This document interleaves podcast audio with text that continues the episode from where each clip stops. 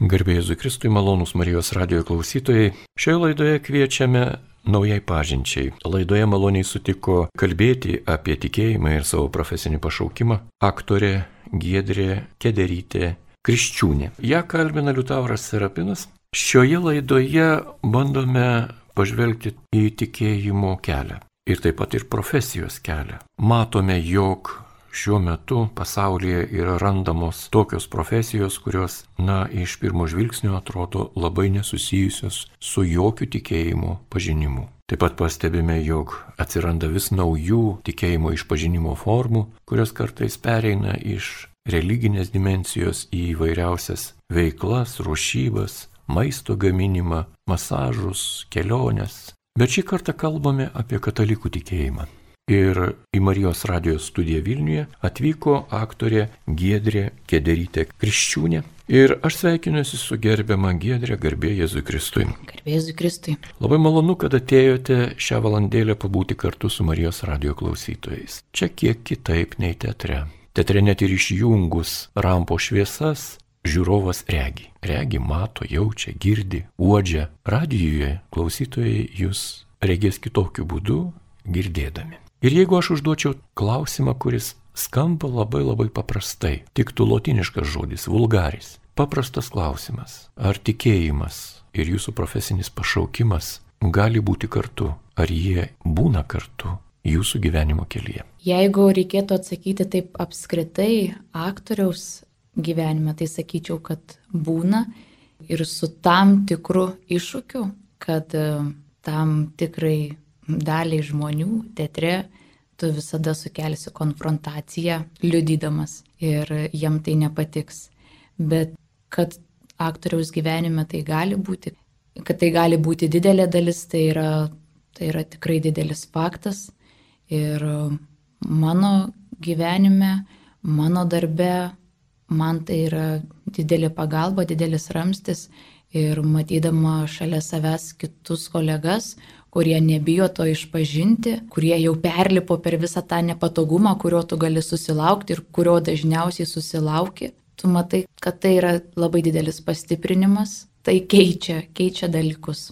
Jūs kalbate apie pasikeitimą, kuris turbūt nėra toks momentinis kaip žaibas arba kaip lietus iš debesies. Ir tiesiog atslinko debesis ir nulyjo ir sužydėjo pavasarį. Gamta arba vakare, rudenį, palyjus, pradėjo kvėpuoti žemės kvapai. Mes užuodžiame tada žemės, tą dirvoną tokį, drėgmę, pelėsi, tą raugą tokį. O tikėjime turbūt tas na, atradimas turbūt yra labai po truputį, labai lietai, kaip. Dabar atsitraukus ir jau praėjus keletui metų po visų baigimų, kai jau kai liko darbas, nebe studijos, Man yra susidariusi tokia nuomonė, kad dėstytojai, kuriem tikėjimas, bent jau akademijos bendruomeniai, yra tabu ir kurie griežtai tave stabdo, draudžia, tam tikrą prasme nori apsisaugoti, kad tu juos sudėvintum, kad tu juos remtumės ir jie tau būtų pagrindas.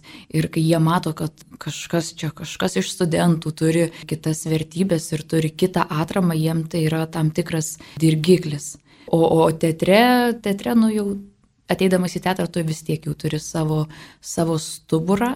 Aišku, yra visko, bet jeigu tu nebijai to parodyti, galbūt kartais ir turėdamas kažko atsisakyti su, su savo šitu tokiu drąsiu liudijimu, bet aš kaip sakau, kad anksčiau ir vėliau ta, ta tiesa nugali ir jeigu tu ten neneši ir, ir nesistengi kitiem įrodyti ir pasakyti, kad jūs tie, kurie netikit, čia esat nesusipratimas arba kad, nu, vat, jūs nežinot, kokia yra tiesa, nežinot, kaip turit būti, o savo gyvenimo esate neprikišant kitam, žmonės anksčiau ar vėliau ateina paklausti, o tai kaip, kaip čia, kaip čia, vat, nu, yra su tuo tikėjimu.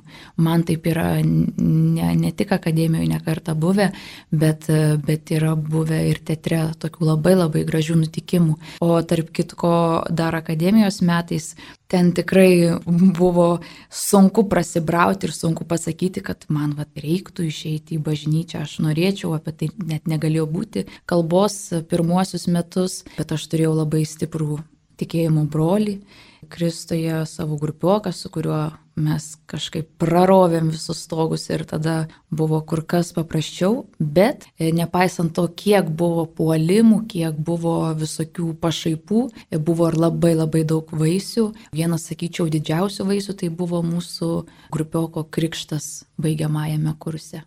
Na, įspūdingai pasakojate, tikrai galima pasijausti lyg bažnytinėje bendruomenėje tokioje savotiškoje. O jeigu tai pažvelgti dar kitų kampų, Kartais kyla toks klausimas, ar tikėjimas ir teatras yra kažkuo panašus. Šioje vietoje mažą interpą padarysiu, jeigu mes paskaitytume Bibliją ir ypatingai Senąjį testamentą, tai pamatytume ten be galo daug tokių bedieviškų dalykų. Vaikų žudimas, aukojimas tabams, įvairios paleistuvystės formos, negatyvios netikėjimo, nevilties formos, karai, siaubimai, visokios lygos, kurios pereina netgi mums žmonėms suprantamas ribas. Ir visa yra tikėjimo turinys. Ir teatre lygiai taip pat kartais būna, kai kalbė su aktoriais, tai išeina ta kalba tokia, kad va kartais tenka peržengti per save, nes turi suvaidinti amoralę rolę, taip? Arba tau kaip tikinčiam žmogui, kaip Kristaus vaikui, šviesos vaikui, tai yra visiškai nepriimtina. Ir ką tada daryti? Žinot, aš turėjau, vis dar turiu tik tas spektaklis dabar yra užšaldytas dėl e, teatro remonto, bet Paulio Klodelio pjesėje Prieškimas Marijai aš e, vaidinau tokį personažą Marą ir to spektaklio eigoje jinai išprotėja, ją įeina velnės ir jinai, jinai ten daro siaubingus dalykus ir atrodo aš kaip tikinti žmogus sakyčiau, oi ne, aš noriu to gerojo personažo, aš norėčiau juo čia būti, bet aš e, suprantu, kad tas personažas gali liudyti dar stipriau. Ir aš tą personažą pavedžiau visiškai viešpačiui. Ir prieš pat išinant premjerai, aš dar nubėgau iki katedros ir sakiau viešpatė, aš suprantu, koks tai bus spektaklis, suprantu, kokia jo yra, koks yra jo svoris, kokie dalykai čia vyks, nes, nu vis tiek, tu neini šaltų veidų, tu Ateidamas į sceną, gaudamas sunku vaidmenį, tu pasineri, tu priemi labai daug povandeninių dalykų ir tu turi priimti už juos atsakomybę. Tai aš sakiau viešpatė, aš tau atiduodu, aš darau tai tavo garbiai ir aš noriu, kad tavo vardas, tavo žinias skambėtų per bet kokį, per, per, per tą sunkų personažą, per tą klaikų personažą, bet tam, kad aš žinau, kad e, aš tai darau dėl tavęs. Tai čia tikrai, kur tu matai prasme ir kur, kur, kur spektaklio gale aišku, kad įvyksta visiškas lūžis ir, ir ta šviesa išeina į viršų, bet aš esu gavusi ir tokių pasiūlymų.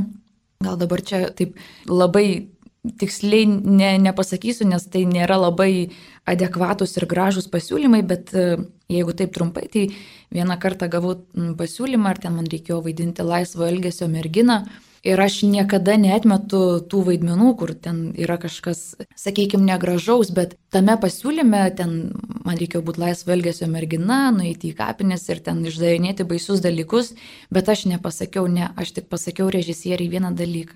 Sakau, aš tikrai sutiksiu vaidinti, bet prašau pasakyti man argumentą, kodėl reikia šitam personažui taip elgtis, ką tai duos spektakliui ir ar tai tikrai yra tas dalykas, be kurio negali apsėti, ar tai yra tikrasis svoris, kuris jau taip reikšmingai pripildys tą spektaklį. Ir aš mačiau, kad aš sutrikdžiau režisieriai tada taip nemaloniai, jinai pasakė, kad ateis rytoj ir duos man atsakymą, kodėl va taip reikia. Ir kai susitikom sekančią dieną repetuoti, jinai pasakė, kad aš visgi nusprendžiau, kad nereikia ne tik to, ką buvau sugalvojusi, bet nereikia ir šito personažo, kad aš papasakočiau tą istoriją. Tai vad aš galiu suprasti, galiu vaidinti, galiu sutikti, kai tu, kai tu matai prasme, bet kai tu supranti, kad tai yra tiesiog toks tuštybės pasirodymas ir noras nustebinti visuomenę, kad pažiūrėkit, ką mes šią sceną galim padaryti, pažiūrėkit, koks, koks čia aš nerealus ir kiek aš čia visko galiu nusirengti, parūkyti, pašokti. Nu, nebenustebinsi tu tos visuomenės tokiais dalykais, jeigu tame nėra turinio, jeigu tai yra tuščia. Manau, kad daugelis klausytojų, kurie mėgsta teatrą ir vaikšto į jį, ir stebi teatro raidą Lietuvoje ir ne vien Lietuvoje. Ir kas kur pasiekia, gyvendami, dirbdami savo darbus arba keliaudami.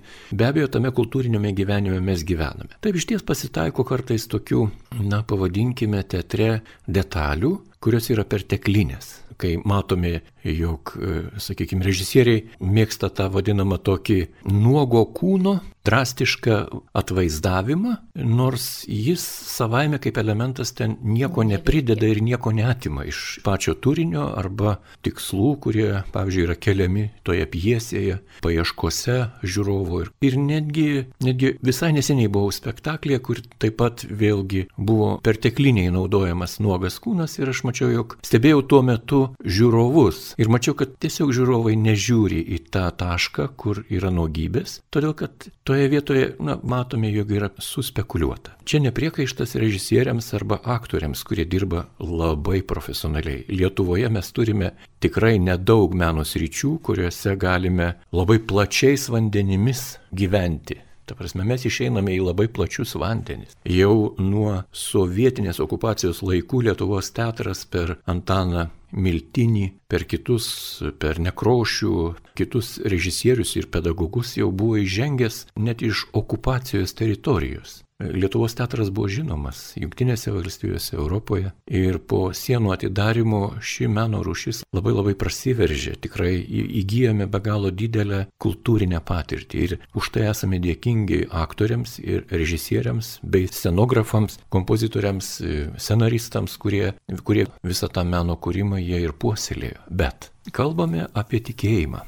Ir tie tokie na, paprastieji klausimai, ar galime, pavyzdžiui, teatre susitikti su Dievu arba susitikti su žinia apie Dievą. Jie yra aktualūs, nors ne, ne kiekvienam galima užduoti šį klausimą. Turbūt viena iš sąlygų yra, kad tas, kuris turi tą klausimą atsakyti, tas turi būti tikintis. Todėl, gerbiama Gedrė, aš ir užduodu tą klausimą. Ar įmanoma žiūrovui, o gal net ir aktoriui ar režisieriui teatre išvysti tą Dievo buvimą šalia ir susitikimą. Kaip yra?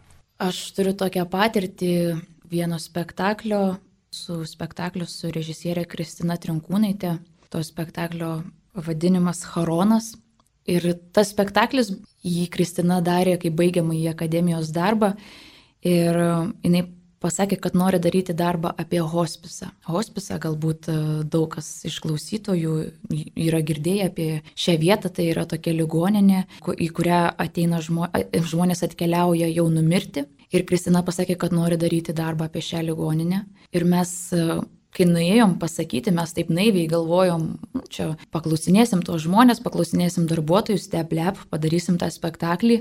Ir kai nuėjom, susitikom su seserimi Michaela, hospiso įkūrėja, jis sako, taip, jūs galite daryti darbą apie šitą ligoninę, su sąlyga, jeigu jūs ateisit savanoriauti. Ir mums buvo toks, kaip čia savanoriauti, bet čia mes neplanavom, čia mes labai rimtos aktoriai, režisieriai, čia labai daug darbų turim, kokią savanorystę.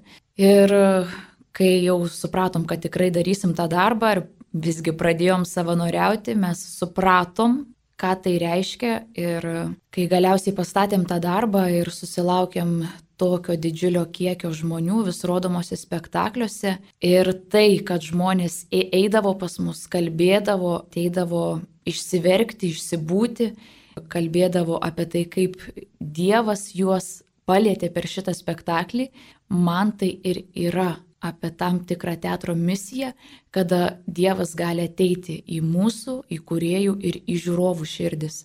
Netikinčiam žmogui tas spektaklis gali pasirodyti paprastas dokumentinis spektaklis apie iškeliaujančius, apie jų artimuosius.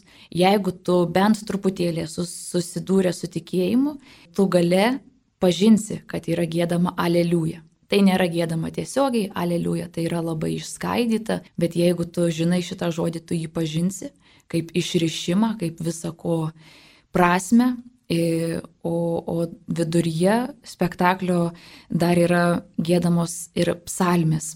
Bet jeigu vėlgi tu nesi su tuo susidūręs, tu nepažinsi, kad tai yra iš psalmino paimta. Tai man atrodo, kad e, tokiais būdais tu, tu savo sveikus supratimus, sveikų protų, tu supranti, kad e, tu nori nešti tą Dievo žinę Ir vėlgi, neprikišamai, o per taip, kaip mums atrodo, per mūsų darbą, per mūsų liudymą, atsirado tikrai labai daug žmonių, kurie atsiliepė, atsišaukė ir kurie liudyja apie savo atradimus, ypatingai po šito spektaklio.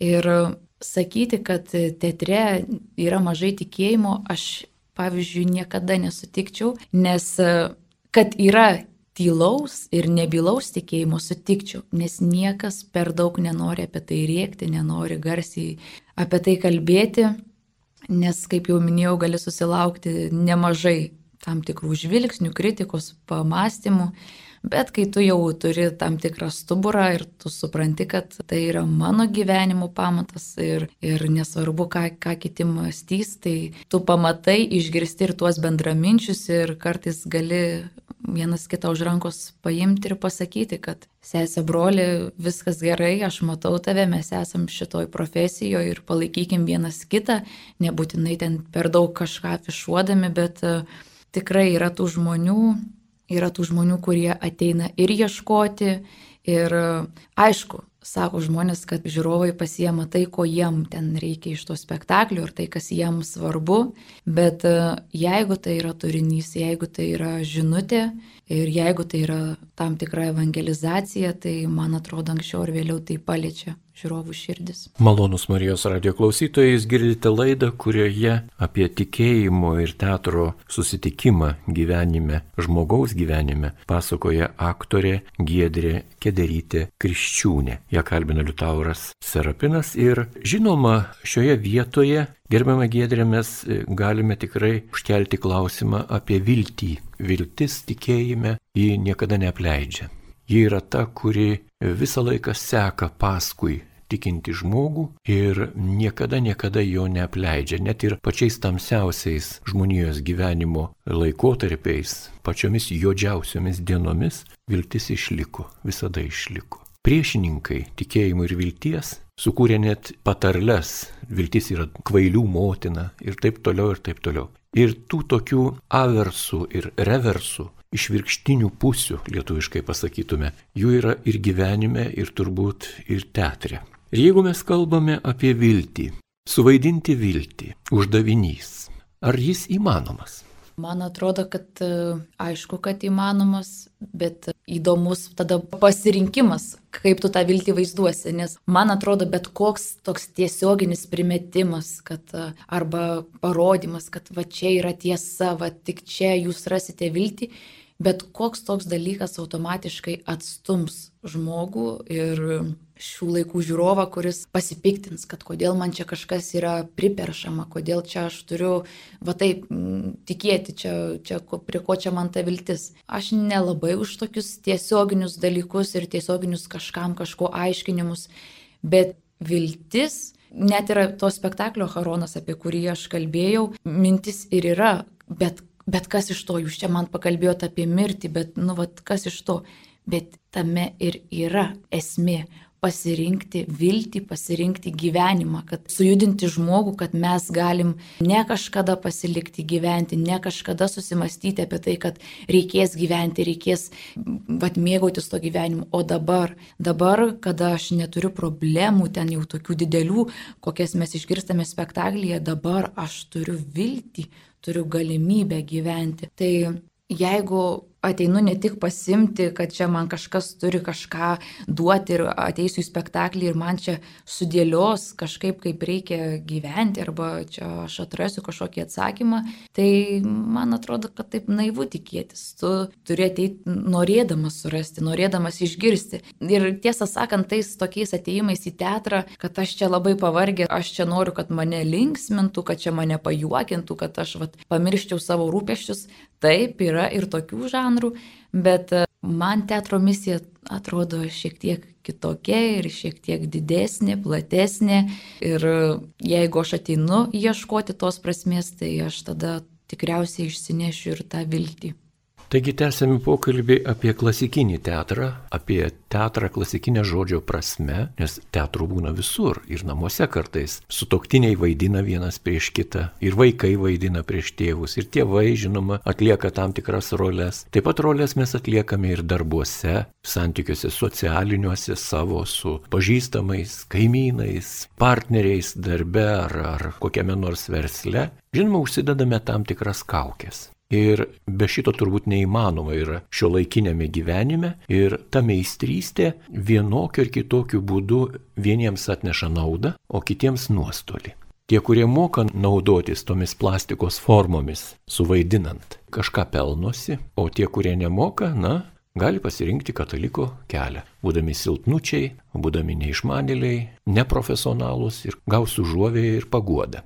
Ciniškai skamba mano žodžiai, bet pasitaiko, nes lygiai taip pat ir teatro elementų mes matome savo šeimuose, bet matome ir taip pat ir kur kitur. Šį kartą, mėly radio klausytojai, mes kalbame apie profesionalų teatrą. Ne tą teatrą, kurie patys savo ir savo artimiesiems dovanojame už dyką, ta prasme nereikia pirkti bilietų, bet kalbame apie tą, kuris yra kultūros dalis. Ir Lietuvoje teatras kaip kultūros reiškinys šiuo metu yra tikrai pasiekęs tam tikras aukštumas. Apie teatrą mums šiandien pasakoja ir savo patirtimi dalinasi aktorė Giedrė Kederytė Kriščiūnė. Ir tęsiant kalbą, jau kalbėjome apie viltį ir natūraliai kyla klausimas apie vertybės. Kartais būna taip, jog pažiūri spektaklį ir supranti, kad tame spektaklyje buvo visiškas dugnas. Jokių vertybių neatskleista. Atimta ir paskutinė viltis tikėti kažkuo, kas yra galbūt sukurta, netikra, kas yra kūrybinis procesas. Ir išeini iš tokio spektaklio visiškai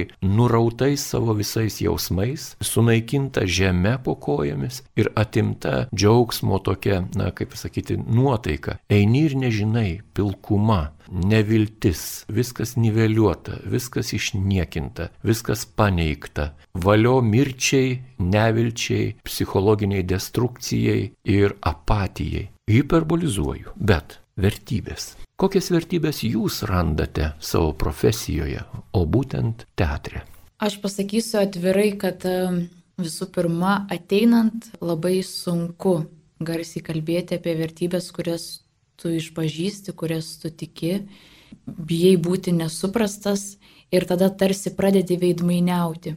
Aš asmeniškai ir iš savo patirties jaučiau pati tą veidmainystę, kada tu tarsi bijai parodyti, ką tu iš tikro turi savo širdyje bijai prisipažinti, kad ką, ką aš čia statau į tą pirmą vietą. Tos baimės labai labai daug ir įvairios yra. Ir tada tu pradedi labai varijuoti. Toks, koks aš esu bažnyčioje, koks aš esu va čia teatre. Atrodo, va, tas va, aktoriškumas, kad aš moku pabūti viskam, viskuo ir toks, ko manęs tada reikia, tai va aš toks ir pabūsiu. Ir tu gali kažkurį laiką vidmainiauti, kažkurį laiką būti patogus ir tam ir tam, bet e, kažkuriuo momentu ta netiesa tave prašauna, tu nu, nieko negali su tuo padaryti ir tu pats atsiduri aklavyti ir klausi savęs prieš ką aš čia meluoju, prieš save, prieš Dievą, prieš kitus, kodėl apskritai, iš kur, kas čia per subujojimas to noru pasirodyti ir užgneušti tas savo vertybės. Tai tų metamorfozių šitam keliui, sakyčiau, kad yra tikrai labai daug ir ir mano draugų, e, kurie yra ir teatre, ir tikėjime, jeigu paklausčiau apie šitus jausmus, jie, jie pasakytų labai panašiai. Bet kai tu nenori eiti paviršium, o nori būti tiesoje su viešpačiu, su savimi ir nori sakyti, vat, pajunti tą netiesą savo viduje, tą tokį le, per lengvą, kad aš čia nu, vat, noriu praslys, čia vat, likti toks, toks drugnas, kaip aš sakau, būti drugnas, visiems, kad būtų visiems gerai. Kažkada pradedi jausti žiaurę netiesą savo širdį ir nebegali. Ir tada supranti, kad ašgi savo širdį tai tikrai tvirtai žinau, koks aš esu, kodėl aš noriu meluoti. Ir tas taip aš galiu ištarti viešpačiui taip, bet kada man pasidaro nepatogu, kada pasidaro teatre nepatogu, biškutį čia dabar patilėkime apie tą Dievą. Ir aš stebėdavau vyresnius aktorius, kurie tokiuose provokacijose, sakykime, teatre išlikdavo toj tieso ir išdrįsdavo pasakyti, ne, yra ir kitaip, ir kitaip gali būti. Ir aš manau, kad tai yra Dievo dovana turėti tų žmonių šalia ir galėti aukti šalia jų, kad paskui tu galėtum kitus padrasinti ir pasakyti, kad jeigu tai yra tavo vertybė, jeigu viešpats yra tavo vertybė, tu neprivalai susimažinti savęs ir sakyti, kad tai tau nėra vertybė. Tai kai tu dar ir dar kartą iš naujo pasakai viešpačiui taip ir kai pasakai, kad aš visose situacijose ir darbinėse ir, ir tarp kolegų ir kada nesupras vis tiek viešpatė sakysiu tau taip, galiausiai tu nurims ir supranti, kad aš nebeapsimetinėju ir kad ta mano vertybė, kurią aš statau į, į priekį, į, į centrą, jinai mane išneša. Ir, ir, ir paskui nebelieka tokių neiškumų, tokių kažkokių paslapčių, kurias čia gal nepatogu ir čia prie režisieriaus ir prie kolegų. Esu taip, kaip esu, esu toks, koks esu.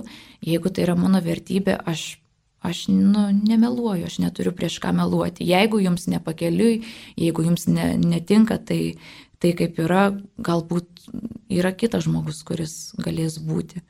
Neprisirišti prie to, nesudėvinti, kad gali būti tik taip, o ne kitaip. Man atrodo, kad dėl, dėl kažko, kuo tu pats nesi labai tvirtai tikras, nereikia išsižadėti to, kas tau yra šventa ir kas tau yra vertybė. Jau kalbėjome apie įvairius patyrimus stebint teatro meną kaip žiūrovui, arba kaip mėgėjui, arba kaip pirmą kartą atėjusiam į teatrą, vis tiek yra tam tikras atradimas. O atradimai, na, vienokių ir kitokių pobūdžių, jie yra naujovė, kuri mus paliečia, priverčia susimastyti. Kai kalbame apie klasikinį teatrą, apie teatrą, kuris vyksta rampoje, Žinoma, teatrologai galbūt pasakytų, na, nebėra tos ribos klasikinis, modernusis, postmodernusis arba rampoje teatras ar gatvėje jisai, ar vandenį, ar ore, jis jau formomis gali būti labai įvairus, nes iš tikrųjų technologijos leidžia jungti ir teatrą su kinu, ir su muzika, garsais, su kvapais, su kuo kitu. Ir tuose formose įvairovėse mes randame tam tikras madas teatre. Tikrai nenustebinsiu pasakydamas, nesu teatrologas, bet matau tam tikras tendencijas ir madas. Viena iš tokių madų rūšių tai yra, e, sakykime, nuodėmės iliustracijos. Teatro metu rusiški keiksmažodžiai. Arba gašlumas, arba imitavimas vyro su vyru lytinio akto arba moters su moterimi lytinio akto, demonstravimas beprotystės dugno, kas savaime yra nuodėmė, nes mes esame protingi Dievo kūriniai. Arba, sakykime, dar riksmai, smurtas įvairus, juodas smurtas, kur yra rodoma anatomija, kaip ten pjauna dar kažką, kad sukelti tuos šiurpuliukus ant žiūrovo kūno. Kaip jūs žiūrite į šias dabartines madų formas teatre? Čia dar kalbant apie scenografiją, jūs man labai priminėt vieną įdomų dalyką apie tas naujas formas. Pamenu, kai dar, man atrodo, gal jau baiginėjom akademiją, bet e, niekaip ten neišsprendėm vieno spektaklio ir režisieriai bandė ir taip ir anaip ir išsikėlėm ten jau ir žiūrovų vietą ir dar kitaip ir, nu niekaip. Ir atėjo mūsų profesorius, mūsų profesorius buvo Jonas Vaitkus, sako, vaik, ar jum atrodo, kad šitos keturios sienos jau yra taip išnaudotos, kad jūs einat kažkur kitur, ar jūs tiesiog tingit galvoti, tingit ieškoti. Šitas tekstas ir ta frazė taip nukalė, kad susirinkom daiktus, grįžom į sceną ir supratom, kad tas mandravojimas ir bandymas kažkam čia kažką labai nustebinti, nieko nebenustebins ir kartais tai yra mūsų tingumo apsileidimo ženklas ir tingėjimas paieškoti įvairių ir netrastų formų, kurios yra toje scenoje, toje, tose keturiose sienose ir kur tikrai jas dar galima pilnai išnaudoti. O kalbant apie tą gašlumą, tai aš turiu savo tokią nuomonę iš kur tai atsiranda pirmiausia. mes negalim to slėpti, kad e, tai ateina jau iš akademijos, iš ten, kur tu mokaisi, dėl to, kad studentai yra pratinami, į toks susidaro įspūdis studentui, kad tu turi nustebinti savo režisierių, savo dėstytojus, kad jie tave pamatytų, kad tu esi vienintelis nepakartojamas aktorius ir kad tavo e, galimybės yra beribės. Ir aš pati buvau prieš keletą metų nuėjusi į antrą kursių egzaminą ir pamačiau tokį vaizdą, kada prasidėjo spektaklis. Antro kurso, antrą kursių išsijungė šviesa ir kai įsijungė šviesa, viena iš merginų, viena iš studenčių sėdėjo visiškai nuoga prieš dėstytoją. Tada vėl tamsa ir, ir jinai dingo. Paskui dar tai pasikartojo keletą kartų. Ir mane labai sukrėtė tas momentas, nes tai yra labai trapu, bet dažnai jaunam žmogui apie tai yra nepaaiškinama, nes va yra tas nustebinti, šokiruoti ir parodyti savo neribotas galimybės. Atseit, čia yra personažas. Taip, tai yra personažas, bet nepameskim, kad tai yra aš. Tai esu aš, tai esu a, asmuo ir tai perina per mane. Ir kai tai yra taip neapgalvota, kai tai yra tik tais dėl parodymo, aš tame nematau jokios prasmės aš matau e, jauną žmogų, kuris pardavė save tuščiai. Jeigu tame būtų tikrai kažkokia prasme, jeigu to reikalautų scenarius, jeigu, to, va, jeigu tai tikrai, nežinau, būtų tokia stipri auka ir tai būtų taip verta, aš tikrai galėčiau suprasti, nes teatras jis yra tikrai labai labai didelis dalykas ir galintis daug ką duoti, daug ką parodyti, bet kai tai yra taip tuščia, tik tais dėl va tokio trumpo šokiravimo, man pasidaro gaila to asmens, nes e, taip tu išeisi iš personažo, tu esi jau kaip asmuo, bet tai niekur nedings. Tu jau būsi parodęs viską, ką, ką, ką, ką tu jau čia galėjai. Tai man nėra taip, kad, ai, čia tuščia, man yra labai stipriai gaila to nesupratimo ir noro tuščiai save parduoti nesuprantant kodėl. Tai, tai čia tokia, tokios vat, dvi pusės, kada nepaieškoma, nepasistengiama. Tiesiog taip tuščiai, norint kažką trumpalaikiškai šokiruoti. O juo labiau, kad uh, tų dėstytojų tu tikrai nenustebinsi, nenustebinsi greičiausiai ir žiūrovų. Žiūrovas atlieps ir, ir turbūt aiktels tada, kai tikrai suvirbės ir kai tai bus taip glaudžiai susijęs su tekstu, su piese, kad kada tu tikrai suprasi, kodėl taip įvyko ir kad tu pajausi, kad be šito momento nebūtų išsisprendę, nebūtų, nebūtume taip giliai pakabinę tos piesės. Bet kai yra tai tik dėl to, kad nu, va, nesugalvojau kito varianto, tada taip ir, na, ir išeini nei šilta, nei šalta, nei aš čia noriu prisiminti, nei čia mane kažkas labai palėtė. Mūsų akademijoje man labai patiko, kad mūsų dėstytoja pasakė, galit parūkyti, galit išgerti senui, bet tik tada, kai jau atrodys, kad, nu, kitaip, kitaip neįmanoma. Jeigu dar įmanoma, jeigu dar jaučiat ir, ir įstengiat su, sukurti, sukovoti, kad galima be to, darykit be to. Na, laidai einant į pabaigą dar norisi vieną kitą klausimą užduoti apie teatro plastiką ir formą, turinį bei išliekamąją meninę vertę. Žinoma, apie tai mes galime kalbėti ir įvardindami tą tuštybės nuogumą, atpažindami jį. Ir, ir ta tuštybė mums tikintiems žmonėms yra nuodėmės pradžia. Ir tas nuogumas kartais yra ne Dievo sukurtas nuogumas grožiui, bet tam tikram, na, sakykime, žmogaus paniekinimui. Mano karto žmonės kurie mokyklas baigė dar sovietinės okupacijos metu, jie patyrė tą banalumo teatrą, bent jau vyrai, jie būdavo kviečiami į komisariatus, į kariuomenės ir turėdavo praeiti medicinės apžiūras. Tos apžiūros su medicina nieko bendro neturėjo. Ir ten mes vyrukai būdavome išrengiami nuogai ir turėdavome laukti tame spektaklyje eilės savo pasirodyti prieš komisiją, kurioje sėdėdavo dažnai kokios jefreitorės moteris ant galvos susikrovusios savo nukritusius negyvus plaukus į tokius kuodus ir parištus juos skarelėmis. Jos buvo didelės specialistės. Tai mums kėlė ir juoką, bet ir pykti kartu.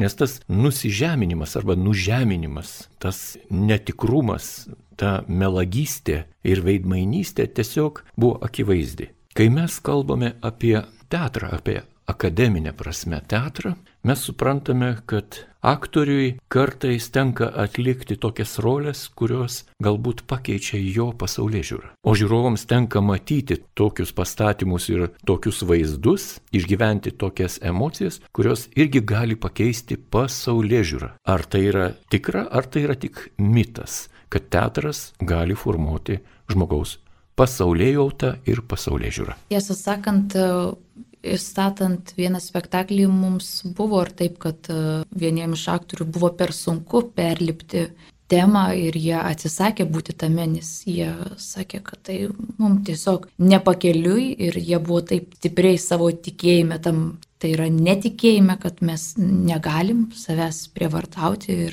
ir mes tai paliekame, bet e, mačiau šitame kelyje ir tų, kurie tikrai netikėjo, bet e, tikėjimo temoje jie labai nuoširdžiai ieškojo. Ir tu nu, negali nepastebėti ir ne, į tą nuoširdų ieškojimą. Ne dėl to, kad kažkam pasirodyti, ne dėl to, kad režisieriui parodyti, kad aš čia dabar labai domiuosi, nes mane pakvietė į tokį, vat, gal kiek sakralesnį vaidmenį bet ieškojo tikrai labai nuoširdžiai savitais būdais. Tai Tai man atrodo, kad tikrai, tikrai gali keisti. Dar prisimenu amžinatelį Seimonto Nekrošiaus spektaklį Jobo knyga. Ir pamenu, kai aš pirmą kartą jį nuėjau, aš dar buvau moksleivė. Atsimenu, mane taip sukrėtė ir ta tema, ir kiek ten yra visko giliai, ir mane sukrėtė ir tai, kiek aš nesuprantu, Bet man tas ir buvo stimulas, kad aš noriu suprasti, aš noriu daugiau pažinti. Ir Eimantas Nekrošius, čiagi nepaslaptis, kad daug kas sakydavo, kad ką iš čia kūrė, nieko čia neįmanoma suprasti, simbolių daugybė, kas čia kodėl, čia visi, visi tie prinešti tokie būtiniai dalykai. O Eimantas Nekrošius sakė, kad tai, kad va, nesupranta žmogus, tai nėra tik mano atsakomybė, tai yra galbūt tai, kad žmogus tiesiog nesidomi, neskaito, ne, ne, nenori apsišviesti. Ir po to spektaklio pamenu, kad man buvo šakis, aš turiu skaityti, aš turiu suprasti. Tada aš jau, jau studentavimo laikais, atrodo, jau kažką supratau, bet vis tiek dar nesupratau. Ir aš nekaltinau režisieriaus, kad ką iš čia per sunkiai pastatė. Man buvo gėdrė, kažkur gal neten ieškai. Aš jau žiūrėjau tą spektaklį daugybę kartų Ir aš net dabar nepasakyčiau iki galo, kad aš ten viską išnarpliuoju ir viską suprantu, ką režisierius norėjo pasakyti, bet tai yra spyris man, kad aš aukčiau, kad aš tobulėčiau. Ir man čia nepaslaptis ir negėda pripažinti, kad tas mažumas, tas, tas kartais norėjimas pabūti patogiai ir kažko ten mažiau paskaityti, mažiau pasigilinti yra apie mane režisierius, e, jeigu jis yra eruditas ir jisai eina į savo vagą ir tikrai žino, ką nori pasakyti, jis vedasi paskui save tą, tas savelės, kurios gali ieškoti ir, ir kurios gal ne iš karto, bet palaipsniui vat, ieškos, supras, tai aš tikiu, kad tikrai gali keisti pasaulyje žiūrą, jeigu tu netmeti, kad čia kažkokia nesąmonė, aš čia nesupratau, čia kažką labai giliai pavarė, bet čia iš tikrųjų tas nei čia gilu, čia tiesiog režisieriaus, va, turbūt egoizmas kažką čia labai padaryti. Jeigu tu neturi tokio nusistatymo, o sakai, palauk, kažkas čia yra giliau, tai tikrai gali keisti ir nori, nenori, tu auksi, ieškodamas tu auksi. Ir laidai einant į pabaigą noriu dar jūsų paklausti. Kai kalbame apie Dievo garbą, gal iš ties verta Dievo ieškoti ne teatre, o bažnyčioje, o teatre ieškoti žmogaus kūrybos? Kaip jums atrodo? Žmogaus kūrybos teatre taip tikrai, bet aš net meščiau to fenomeno, kuris kartais tikrai įvyksta ir nu, galim sakyti kaip nori, įvardinti kaip nori, bet aš tikiu, kad ten būna ir Dievas. Tikiu, kad Jisai kalba per aktorių, per režisierių, per žiūrovą. Aš to tikiu. Labai Jums dėkojame už atliktas roles, dėkojame Jums už liūdėjimą, dėkojame už Jūsų tikėjimą ir savanorystę Vilniaus hospise. Dėkojame už tai, kad atėjote šiandien į Marijos radijų ir pasidalinote savo gyvenimo patirtimi. Šiandien laidoje dalyvavo aktorė Giedrė Kederytė Kriščiūnė, ją kalbino Liutauras Serapinas, ragindamas jūs, mėly radio klausytojai, ir toliau likti su Marijos radiju.